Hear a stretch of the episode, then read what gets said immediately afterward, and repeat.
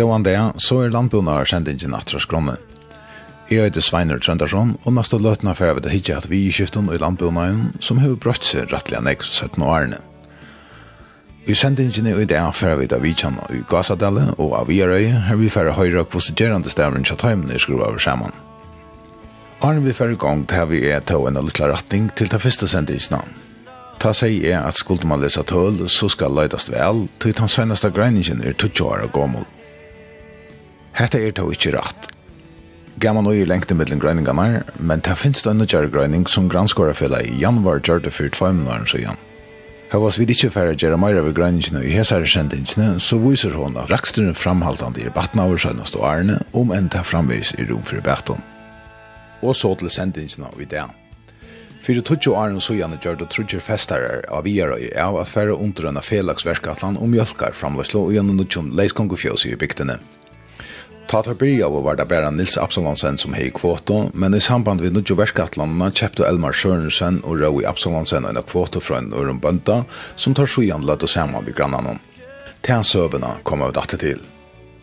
Men vi byrja i Gasadelen.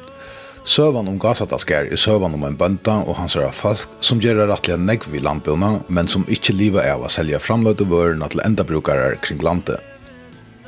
Det som de framleia vil selt av gæren og sjolvun, i mætstående, her vidkjande, bei føringar og utlendingar, verilig å sleppa at røyna stottflottar vører. Vi finner år av Johan Fakraklett som bor i Kotlafire, men som øyer og reker Gassadalskær, og som tog øyne er negv i delen vi tar med negv og færa folkene. Johan Fakraklett, tid hava gær i Gassadal, og her tid framleie bare til tykken sjolv. Kan du forklare meg sin, hvordan hong det sammen? Ja, det er, det er faktisk bare for å utnytte hjørnet, det var det først.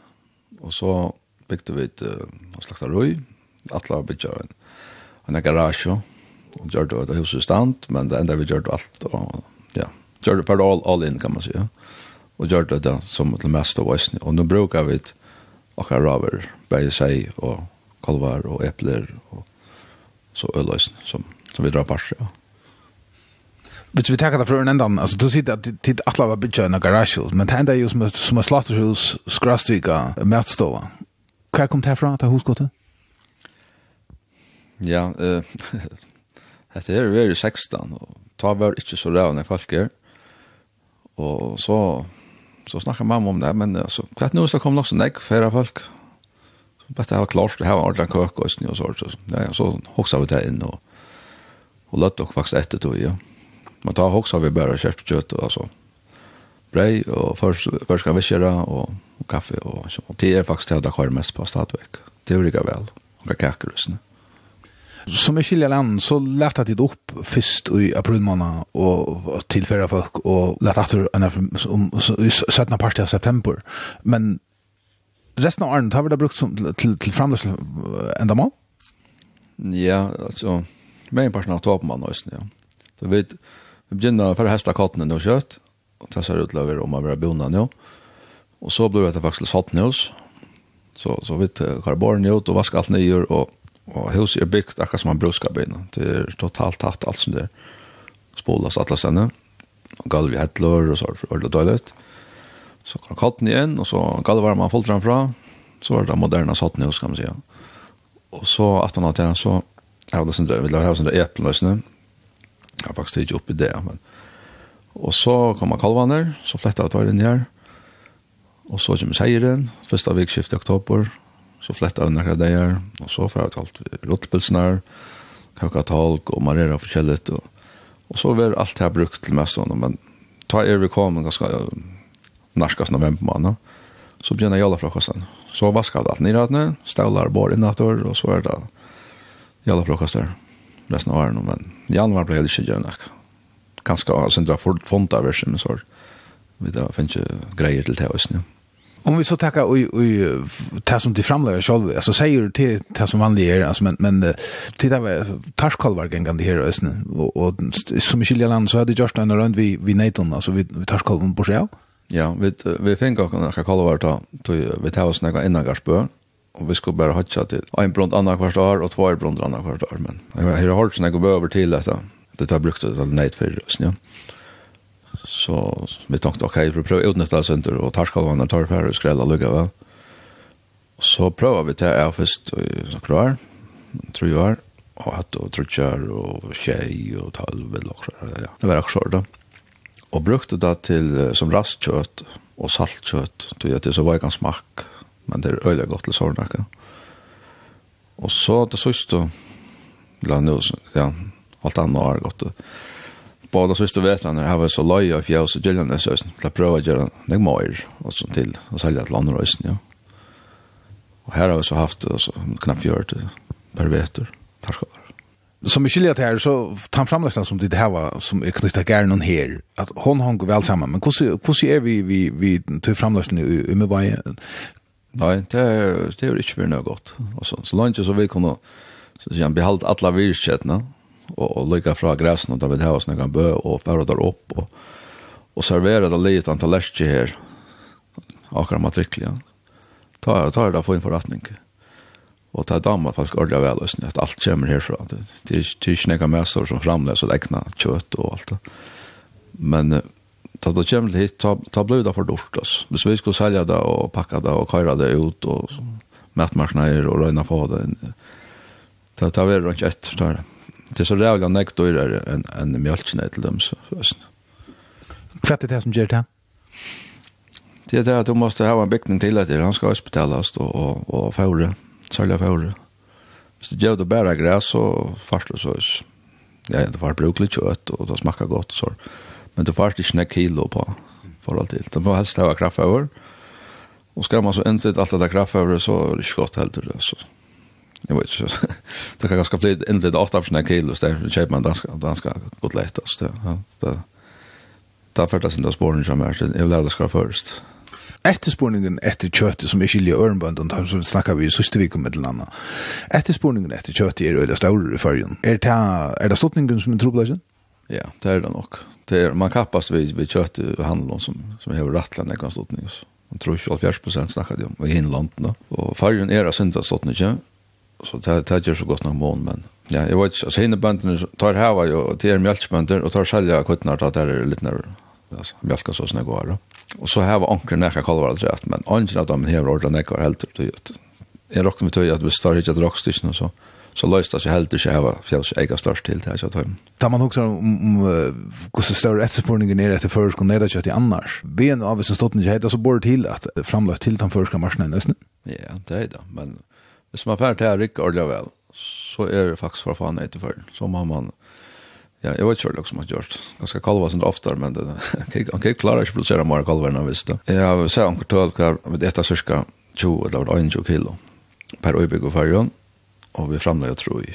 Så her er nok snakk etter utlensta, og hvis vi så sier at jeg, at, jeg vet ikke, uh, en, en 200 tarskalver kan skal komme og halde der det, og det, det er nok så nek som heva øyn og tvær. Alltså det är mer och mer att det blir så moderna. Så det är bättre än ekvar detta på att han. Men hvis vi skulle ha ordentlig nek, så jag vet ikke hva vi skulle få oss sejan kilden fra som man glöj. Det er så rævlig nek. Nu nu när vi gärar blir det borster. Hejda bort tid kanske brukt ankran att hem som att du gör något som är här att välta det låt av kalvar gängande till dömes. Ja, det det är så att han möjligt mer. Nu var bara vi bra lojat av jag så gällande så och brukte såna gräsen där och så lösning så. Mm Men altså, det ja, så er det noe som. Men det det må Reiners og gjøres nok spoilet. Det annars er det ikke nevnt. Hvis vi venter alltid til Garen Shadik Sjolvon her i Gazadal, ta i tid før i holdt vi hette, hva er hette her til som tid vant av at enda vi? Nei, det, det var det ikke. Altså, vi flett i en kjattlare, og huset var så som vanligt att där det bara lek og alt, og och inte faktisk bo i det noen år. Så tenkte jeg, ok, vi gjør bare et hus i Ortan.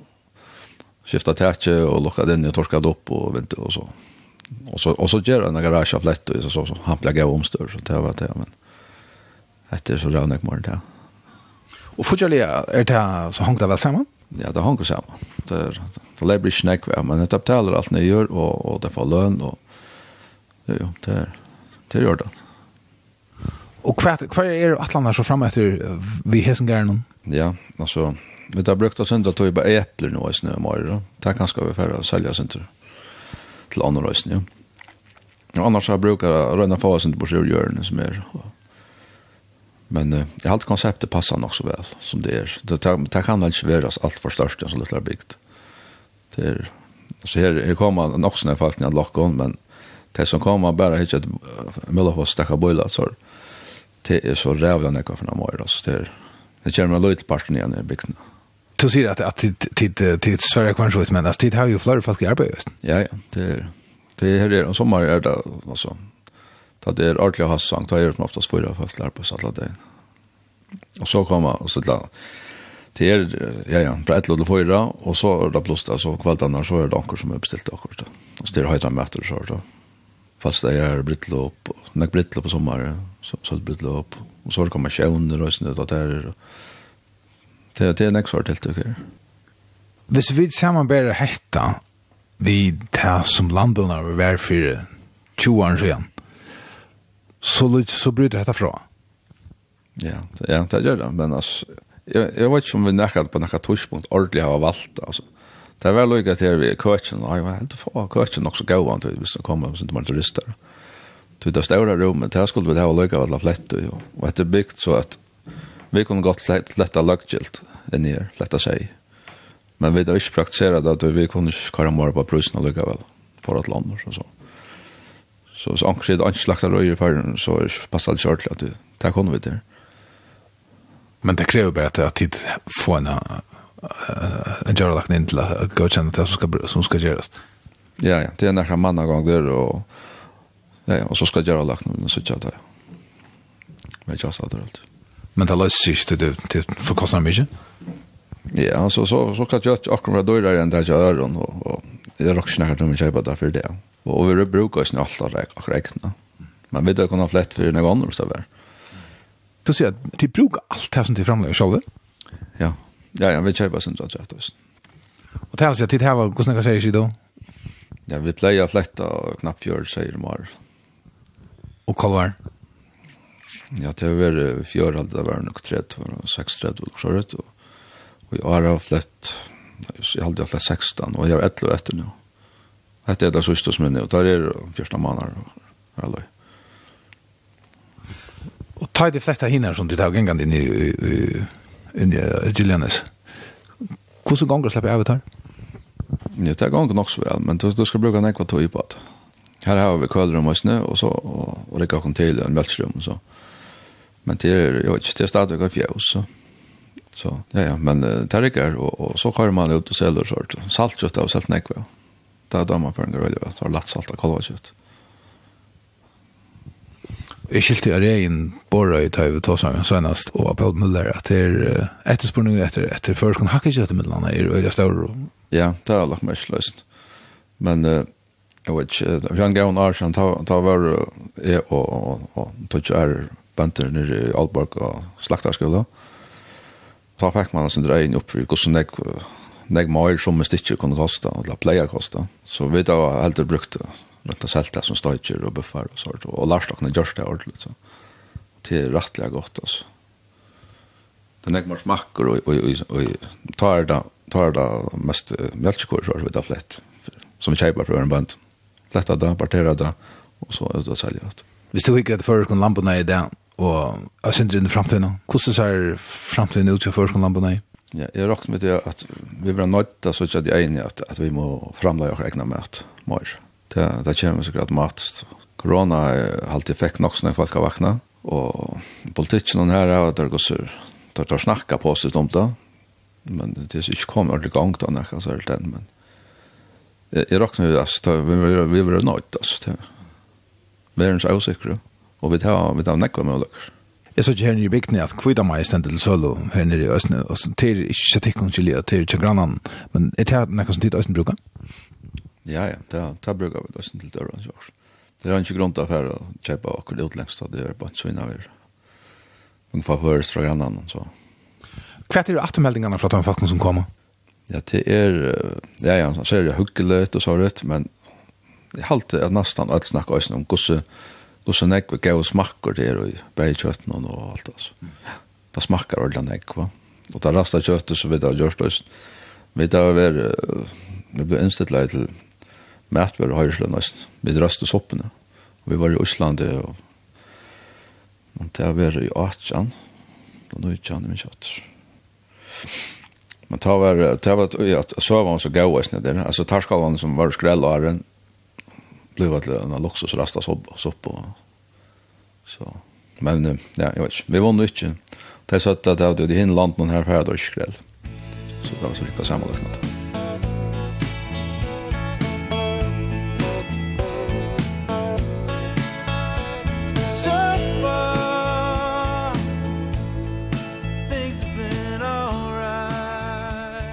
Så far vi den tur til Viarøyes Fyrir tutsi åren sujan gjør det tar trutjer Nils Absalonsen, Elmar Sørensen og Røy Absalonsen er å kenga saman om et nytt mjölkarfjøs.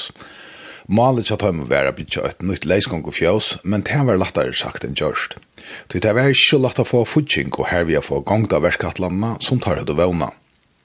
Tøy gingo da mer enn seks år er nutja fjøset var i nuslo, og det tøy særlig hardt opp at han yngsta mannen i tøymenon. Tid er trutjer bønder saman om hetta fjøset, altså, som er kjellig, så er det største anstakka fjøset fargen? Uh, ja, altså, største framlagsland er det, gosser. Jeg halte at fjøset i Havnadal er større, det halte jeg. Kjalt fjøset, men det er største framlagsland, ja. Når blir jeg etter? Uh, vi byrja i her i desember i nøytian, heltena, og, og hin helten byrja så i februar manna og i tjo. Men søvan om, om samanleggingsna, eller om, om tykkar felaks framlagslu her, hon, hon er jo eldre enn det. Ja, ja, ja. Altså, uh, Nils Pavers, men han hever, uh, han hever haft fjås her og, og nekvar av Gjerøy, og Arne han er i Appe, fjås her. Og, og i 2013, kom med Esmar og Eso på det vi kjøpte så at samme eller Esmar og Nils kjøpte jeg fjøs ikke fjøs og en framlagsle i innan øy i Gøte Kamsale og og og hadde så fortsett så ta framlagsna og i inntil vi flott inn her på Men som skiljer det, det blir jo, det var jo bare det første som de kjøpte, de kjøpte jo morgen, altså 17. Men det hadde jo framløsla i, i tre måneder i skostaven. Ja, og i januar manna og i nøytjan ta fink ut av mulig at kjøpe en og i Øravøk. Så det tok vi så av, så ta i nesten alt nøytjan, ta var vi faktisk i Trimustøvn, ja. Vi var i Sør Øravøk og Kampstallet, et leie, innan i Gøte, og her. Ber det her over til? Nei, men det er bare til, men det var tungt, det var røyestrev. Jeg skiljer at det gikk rettelig hardt og dyvet her personlig. Ja, det var... Det var... Vi var bryr av bytje i Norge, og vi var ta i... Ta vi kjøpte seg fremløsene, så i Ørovik. Jeg halte at det skulle komme, hvis jeg minns rett, så skulle det komme i novembermann ur Danmark at uh, sette alle grøyne roboter og sånn opp. Og så ringer uh, den, den som heier vi til, og han til mun i september til oktober i min kjakrater og sier at uh, nå, nå heter det finnes jeg også på i, ser danskerne som skulle komme opp og gjøre det. Så det finnes ikke komme for nå i halte det var en meimann i 2020 og, og ta sier vi igjen når jeg sted. Ta helt ikke at det skulle komme, ta, ta vant ikke noe nøyt var etter. Ta, ta, man, man brente jo så bavnent og, og ta tjekka en stort og så Jeg var akkurat kommet ned og sjore i vikskiftet, og jeg kom og sa at dette var en veri om hokktaltuna, og ta tjekk alt vi kommer. Og ja, ja, hon, hon ringte så etter, etter ambulansen og nå, jeg enda, jeg enda sjuk hos noen, og det var, tar kan med øl vel, men det var stress det var en, en, en tung prosess, skilje av at, at få alt det her upp på standa. Ja, det var det igen. Man hadde rørt ut det. Det var olja tungt. Det var det. Det var alltså vi vi började ju 2013 då kanske eller ja och och det var vi var komme når vi er oss kanske och i kanske vara här i mesta det tve år. Men det var en olja tung process av fortjeng, och det gikk olja stilte og, og tog ble alt så redd enn jeg langere enn vi vant ja. Det ble så lunch, jeg far det. Ja, ja, så det ble så lunch i ærestene, og det ble, det ble strev, det var strev jeg bygde vi i og jeg var familie vi i og så skulle jeg først der i, i, i noen gøte, og så i, så i Øravik, og, og, og Samsons bygde størst i Øsynor. Det var øye tungt, øye strev. Tid hadde mål om å bygge leisgång og fjøs. Ja, vi tog det mal om å bytja leskan fjøs, og, og det var ikke så vel sagt i, av myndløknen. Det var uh, krefter framme som helt ville åkne bytja et, et basafjøs. Det var bøyligere, og omkrelt også det skulle være bedre for neiten. Det halde jeg så ikke. Det er bøyligere da jo, men det er så bestemt ikke bedre for neiten, og helst ikke for falsk skarpa over døren. Du sier at de flyttet inn i 2009, vi, vi helt ned, og, og når kom så resten? Ja, og resten kom så i uh, februar 20. Så, og så igjen da har vi så kjøpt nækka træt, det har vi Så jeg vil begynne her i Norge, har vi aks fremløsene vi forhåndra dansen alltid, her aløy. Men hvis jeg nå spyrir til det, hva er tann avgjørende om å halda fast vi leisgang og fjøset, han ratta? Ja, det er så 100%, det er det Det er ikke givast det. Jeg er ikke vilja sitte inn her ved noen bassa vi har sitte. Hvordan står det at dere egna kvota tar tid for under dette her prosjektet, altså først for dag i 2013, Arne, de kjøpte nekka tre? Ja, Nils 8 gauar 200.000 liter her. 212.000 liter halvt i han åtte, og, og, og ta vi så kjøpte det i, i, fra Morsland, ta det var 300 og og en 2000 liter halvt i herraløy. Da var det oppi ja, 500 nek. Så det var, det, her var faktisk seksfalt av framløsene som Nils sier? Ja, herraløy, ja. Så sier uh, firma Jan Arne, vi blir av samrøvnet, det er vi at, at til det er ikke så større enn den at han parten vi at fletta, neid og selja, til vi heldig bruker orskene på og mjølka framløsene. Hvor er det? Ja, vi, vi, vi, som er fletta vit og og og selja det som som er men det er ikkje det som er okkara ma. Okkara ma det det som okkara dama best det var det at det var okkara andre som høye altså det slater vi sjøv og under lunch lei vi er på men det er så ikkje støvande det to gjera vi det men men det som vi det som okkara fokus mest er at er at framvarsla mjølka framvarsla det er det som vi det er ikke nytt Tor banden nu i 20 år. Eh, og du er spennende nødt til å være gammel. Hva er en sånn unga mann at, at velja bønte ikke som lustar? Til så jeg var smart rundt var til alt du måtte sest ikke jeg ble bønte. Men uh, da jeg vokste opp så var det hvis du var born til en gær så kunne du til og hvis du ikke var så kunne du ikke til. Og det var det som det visste jeg fra, fra at jeg var smart. Men uh, så bøst han møvelagen i 2013 at kjøpe et feste og, og det gjør det så. Og Og Samsung som jeg kjøpte i fest, så var det var de ja, Esmer og Nils som, som uh, ta høyde tar langt snakk om å bytte fjell sammen. Og, og så kom jeg jeg, jeg, jeg bare la meg på i. Du var til sjøen over Arne, altså? Ja, jeg er oppe med først, og så tok jeg kjøpsfører og ja. Men hva er for å legge en sånn chance borster og legge stå på land? Ja, det var en løtte jeg kjører. Alltså tror jag det det var min drömmer och och mer damt i öde väl cykla. Eh men det här som möjligen bara så så vart det en en en lätt att köra med. Jeg skiljer også at, att du har brukt øyla nekva tog i fjøsen på inte så innan vi. Ja, ja, så det är väl nu Nils Pabers, men jeg var bønte, og jeg var øyla nekva uppgjør ikke hånd, og da jeg var små dronker, og sånn da jeg var, da jeg ble sånn eldre, så runt man, tar man väl hjemme med turar så, så runt man alltid är väl var, på ju inte hånd. Så det er, det er en daglig, eller en, en, en parstre av, av oppvøksen kommer. Men som i Chile så er du, så er du yngst? Ja, jeg er yngst av ja. Så er det utlitt til at til halda fram longjatræet, eller kommer noen nødgjør på? Det er, er nok uh, naturligt at, at uh, yngre krefter tar iver, men når det er det, det var ikke og det, det kan man gida seg til, ja. Tar man også om at, at malet til teknikker, at teknikker om mjölka framløslen, hva er så til det større malet til teknikker, altså er det at, at utbytja og framløy opp at de har, eller hvordan? Alltså som är är det vi där kommer upp på ja, vi framlägger ja, 1300 ton som är det, och, och som er atla vid inte alltså inte point nu att, att öka framløsna, men halvdana, och kanske kanskje vært til øynarskjøttene, det var det inte. Men tid hava uppbyggingar allan er byggja på her, tid, alltså kvinnar som tid sätter vi i, ter är ju inte här i, i.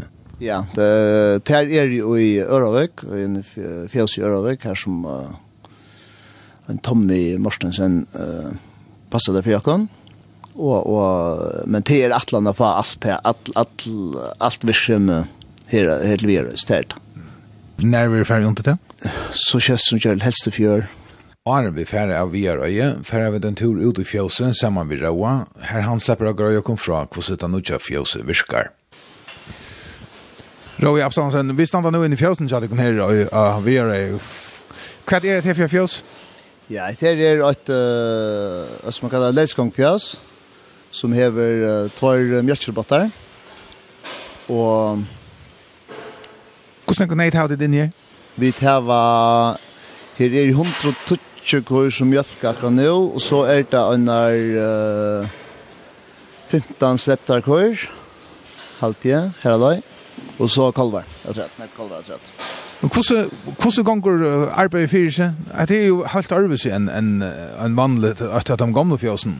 Ja, det er det kan ikke komme lukknes vi, vi arbeid, arbeidsgangene er ikke det samme. nå. Her er, er, her er det meste er um, automatisk. Vi tar robotar som mjölkar sjølver, som kuttene færre ganger ikke til sjølver mjölkar. Og føringen er automatisk og selvbingen er øsne automatisk. Så det er, er arbeidsgången, og nå er den glattere her enn å være for. Kan jeg si at, at Gerensen, han blir ikke så tullig til tikkene som han gjør det i åren? Nei, nei, nei. Nå, nå kan man... Nu är det så att uh, synder 8 till 4. Synder morgon där var fyra gosse. Det är gott nog en en uh, tan uh, tan mer som är vakt han hever han passar för oss kväll då ger vi kalven och äta och och eller dricka och och hycklar annars efter allt det läge. Annars så är det synd att att förra kör in. Det var ikke för. Nej, det var det inte för. Nej, för vart då tog ju morgonen upp på mjölka och gjorde nett någon och så åt om kvällte. Så att ta hem en fruit att hin och och så arbeider man eh på morgonen kväll. Det synd annars. Men alltså det har ju bort upp alltså det är ju uh, bort upp så att att att det är tvåmon. Ja, ja, det är tvåmon. Det är uh, några grunder till det att det är att att uh, man ser att uh, åtta det att nej har inte Det är det som jag har hört kanske. Nej, nej känner inte blöda mer forsknäit och jag en flotche så blir det inte känna kvar är ordligen och och tablar hierarki, tablar avskiljer hierarkin och sådant. Men til er eisen vi tar robotar, tar man sier i mest mesta lei halv fjerskor per robot.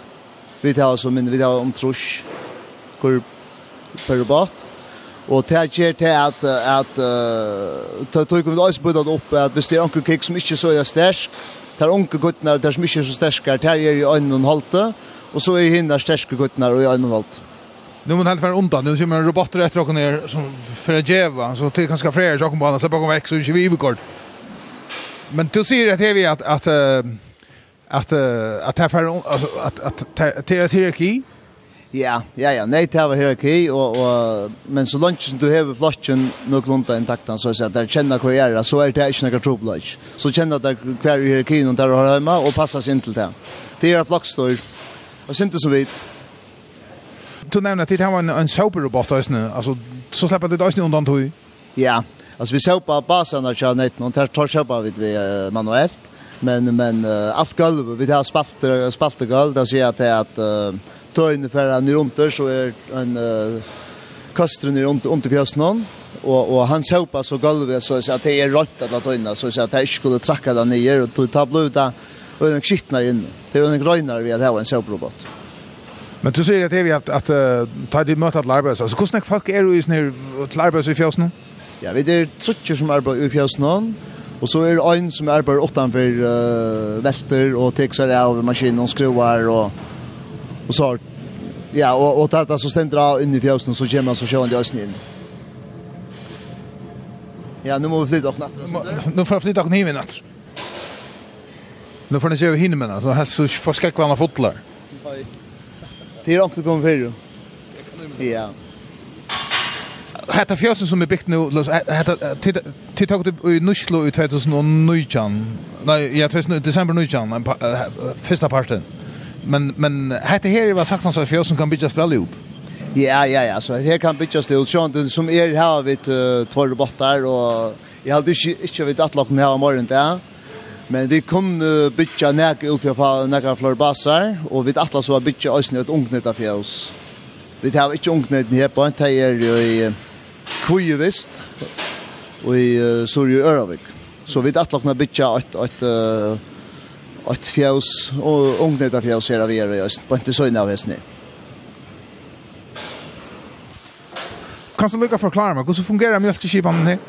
Ja, hon fungerar så såleis at, at uh, kikven, hvis du hikker i vinstra øyra kunne, så er det lite chip og i, og i sånne her mesjen som er i øyrene, som forteller teltene hvor kikkene er. Det er han som kommer til et apostel som vi så kjer.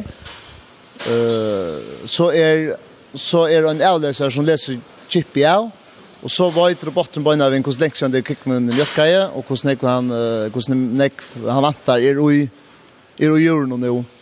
Så det er ikke så om hun slipper mjölka, eller om hun ikke slipper mjölka. Slipper hun mjölka, så fører hun inn, inn, i, uh, inn til roboten, mjölkrobotten, så stender hun i kø her på inn til hun slipper fra mjölk robotten.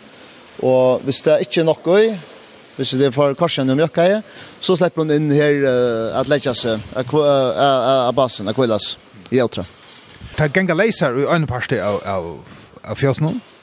Ja, så det er genga leiser atlasten, ja. Og, og det er altså, Där där släpper atlatna rösa sig upp och släppa ut och ut till Fårborg att äta. Och så annars så så för det här in att att att lägga sig kvällas sig. Ja? Det lägger jag tror där där lite öl och näck. Morgon kicklicker och jag tror morgon framlar den mjölk.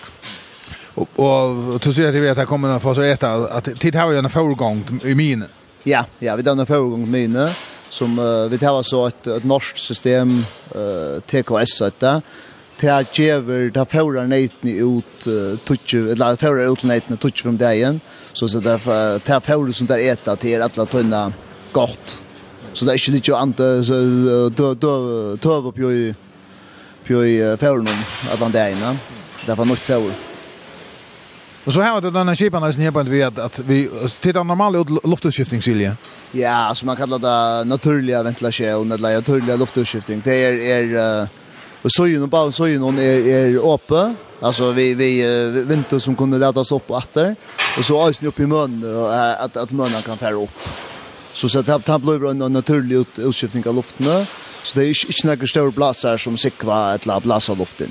Och är det svallet? Ja, här är det. sjukt. Luktar väl. ja, och det är också som, är, som, som man lägger mest till det här man kommer in. Det är öliga, öliga frialigt. Ja, det är hvis nejten får något att äta så, så är det frialigt borsa vi ställer til här så går det lämna oss inte. Men annars inte. Nei, annars inte nei. nei. Hvis, hvis, hvis det er belg inne så er det antingen till att onkel gick til här eller onker gal vi påskiparna så det sen stilt så stant att nej nu välja. Det det kommer för. Du sätter man väl på under nu. Kvida? Ja, jeg var jag sa att så utlad han vill ordentlig ordentligt ordentligt som han skulle til. Jeg, jeg, jeg halte at, uh, at jeg var dock innenfor uh, innanför glas i kameran. Halt ju där var. Jag sa kört. Vad lukar för jet. Kämpa det för kvarta till Moja där? Ja, det kämpa för det är inte ofta, men det kämpa för det. Ja. Ja. Och så må folk vara stam. Ja, alltså vi visst visst han inte mjölkar som man ska. Det är kul vi kan ta finner det botten till att han klarar inte mjölkar som man ska. Så så ringer han ut och säger säger rakt bra. Så möter vi uppe i fjäsen då. Och tar och knäta och visst visst vi klarar det själva ett lat så ringer vi det till hjälp. Eh till vi tar en, en, en kan säga, en alarmcentral rinja till så kommer män ur havn och hjälpa från MBM. Nu slatcher du roboten, hur gör du det? Ja, det är... Um, vi tar uppsar vanligen sidan av systemen eh eller uh, roboten så där kör jag knappt att är ända för inner roboten till för jag får jaunar stream. Streamer inte jaunar i norr kan så men jag kan ju ta en uppsyn i 24 till den där roboten, Så så nu är han synd i Örvidu. Det så så så där släcka ner 5 minuter och så tänder åter så kör han väl. Oj, en av vecka short. Men uh, han nu upp så. Han är besitter så. Ja. Och tar så stanna kutna bara boja att ta den att han startar rätter. Ja ja, ja, det är 5 minuter, det är det är det. Är. Och en kick tar vanligt 6 minuter av mjölka så det är. Det är mesh där. Men det är allt stort elektroniskt. Alltså här ständer ju och snack man förväntar att få få uran för affär eller vad? Ja ja, här ständer alltså han man ser vad snack för ur kvar bort på sig och och är kända för lite gör. Så så släpper hon in att det mjölka skalt om hon inte häver eh skalt om hon hon inte borde släppa ett kvar. Det det för näck ut i andra botten, ja. Det så jag nu ända ner till Her er så nok mjölka, det er bare tog at uh, roboten er sin rørvid, jeg kan jo. Det er ikke bare så vidt som kan bli rørvid.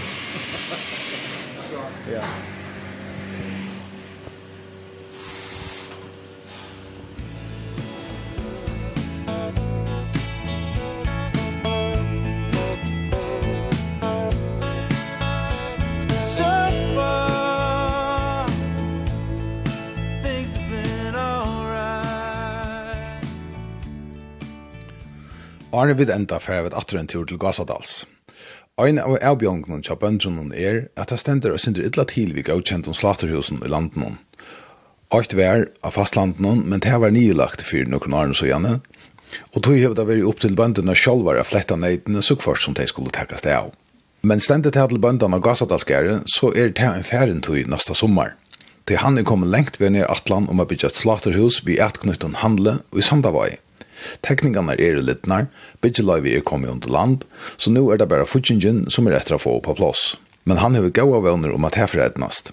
Ja, og vår var huskadlar, altså vår huskadlar, nå er vi så alle sjefar, jeg vet ikke hva det skal bli, men... Nei, til det vi da finnes, da sendte vi slett veltsnøyd, og så var det Kalvan Jakon, og Gastel og forskjellet, og så har det vært halvt i epler, og jeg har vært samband ved Rattland en kvalt og søstre i Arne om, om allt det med mat och pyrlöstrar och forskjellig. Och det var ju så at jeg er også hva man snackar vi så är problemet det att det är det får ringt fra framleieren og fra och brukar någon.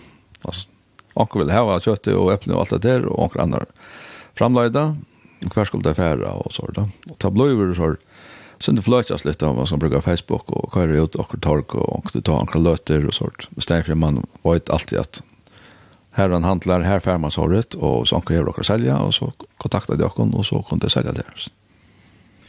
Men till det finns ju grundstycke i, i Sandavai? Ja. Ta för nog snäga fyra dyker i för att flytta in i en grövbrottet och vi tar så en av dem och vi stannar av fel och fjör kallar for stort flott.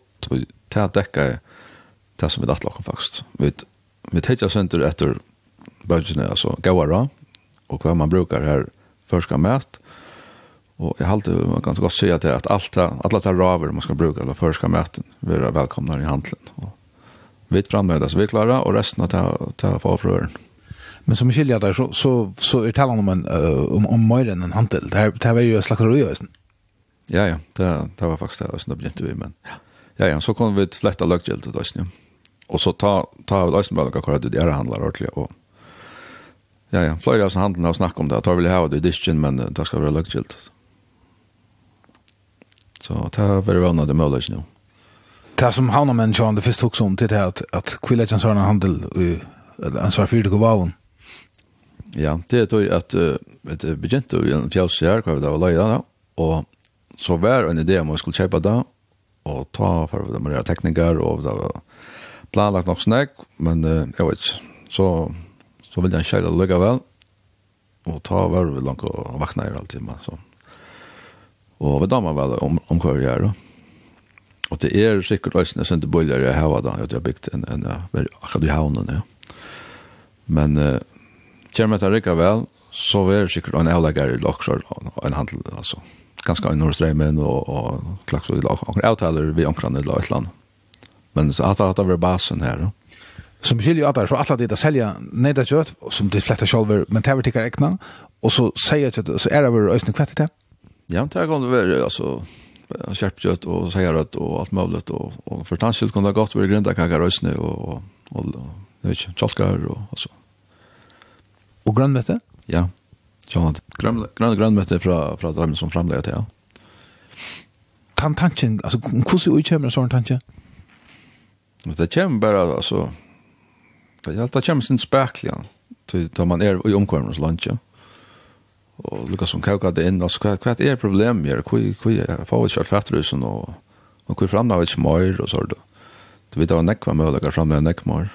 Men, det er ikke fremlegger en rikk, og vi ska hva skal gjøre det men det hos kod er, altså, kom nok så lengt. Uh, teknikerna er litt nær, og, og bitchlöv er på plass. Ja, teknikerna lite när och sted stä ta kan kanske några viker, men uh, nå, nå regner vi da då han tar bara pröjser på forskjellige tilfeller. Og så er det til å finne finner til dette, og jeg vet inte alltså. Jag kan höra han han snackar om att var en god idé och Vi Vad vet om vad om det kan hjelpe sin til til alt som gosser det sier at her er en slakta røyde det løser ikke og jeg vet ikke, da vi gjør det på handa maten hver vi bruker hos Østen flere ting så, så er større chans for det løse og jeg vant til det at det første årene på var bare nøkker ned fra kvarjen at melkspent noen det tar vel jeg helst riskere det at bara gjøre och allt och så kører det några år så blir det heisen och så må ta upp sina försvarer att skaffa såna kontor. Det här har jag provat för og ta ta rejäl står nog snäcka.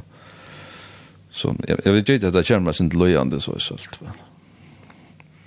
Det är att att bli klar långt innan för rättligt stått att i det. Ja, jag vet hoppa klara då till till alltså kommande var då. Då då börjar det blåa sånt lukt efter och sådär. Och vet den tar klara banden och flätta. Och stanna här och så stora problem Ta att ta hänga en chattel och sånt. men sommar fast och sjö och där stoj och där skulle hatcha och där skulle allt och Så jag jag hade att ta jag hade ganska mer intresse i att sälja det lockon bara. Och så hantar vi det levande och tar inte strul till något. Hur så realistiskt är det här för att det här hänger samman långt till nästa år? Ja, det det borde det gjort. Att vi tar och snackar om vi ankrar om att stoppa och och några tillfällen som vi skulle bruka bara för att få det igång det är ju snacka så snett till fast det är hela världen kan man säga. Vi där att utnyttja det här till att torska torka hodge och torka katten och torka äpplen. Det vill bara raka fram det nägg äpplen och så helt nägg. Och så kanske vaska och torka och allt sådär så. Så alla tester i färgen är rättliga höjtar sommar så. Därför åker det snöver. Så tid att ta fram det äpplen kan kan man så huxa eller kan ta så huxa att man kan få förskrift äpplen och i handeln nästan. Ja, det var något. Her endar så undersendingen om føreskan landbuna. Vi tar vi det vi er vidkjenn av gasatlasgære, her vi det var tåsa vi Johan Fakratlett bønta om framløslen av gærenon, her alt vi brukt av mætstående av gærenon sjolvun.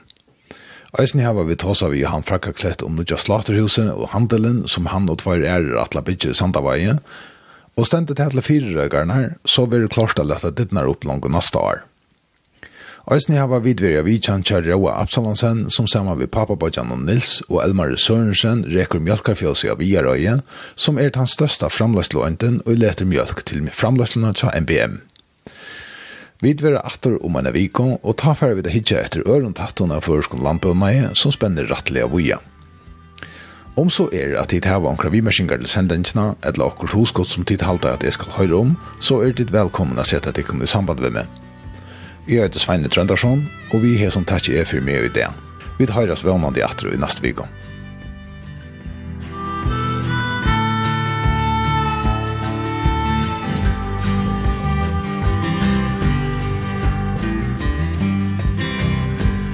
Colorado Rocky Mountain morning Fat irons flashing in the sun Feeling what you found Just wonder why there ain't more people crying. Seeing miles and miles of large coal pine Lying on the ground. Oh, I, I do believe the world It's been so long and I really miss that feeling. Oh,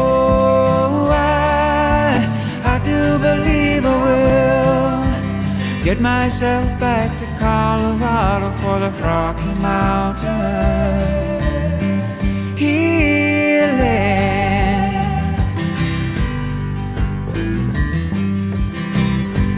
Following the red lights on the freeway. I've been running all my life Never slowing down. All I've got to show for all the miles I put away. Or the dreams of what I could have done If I'd only stayed? Oh, I like to believe I will. It's been so long and I really miss that feeling. Oh,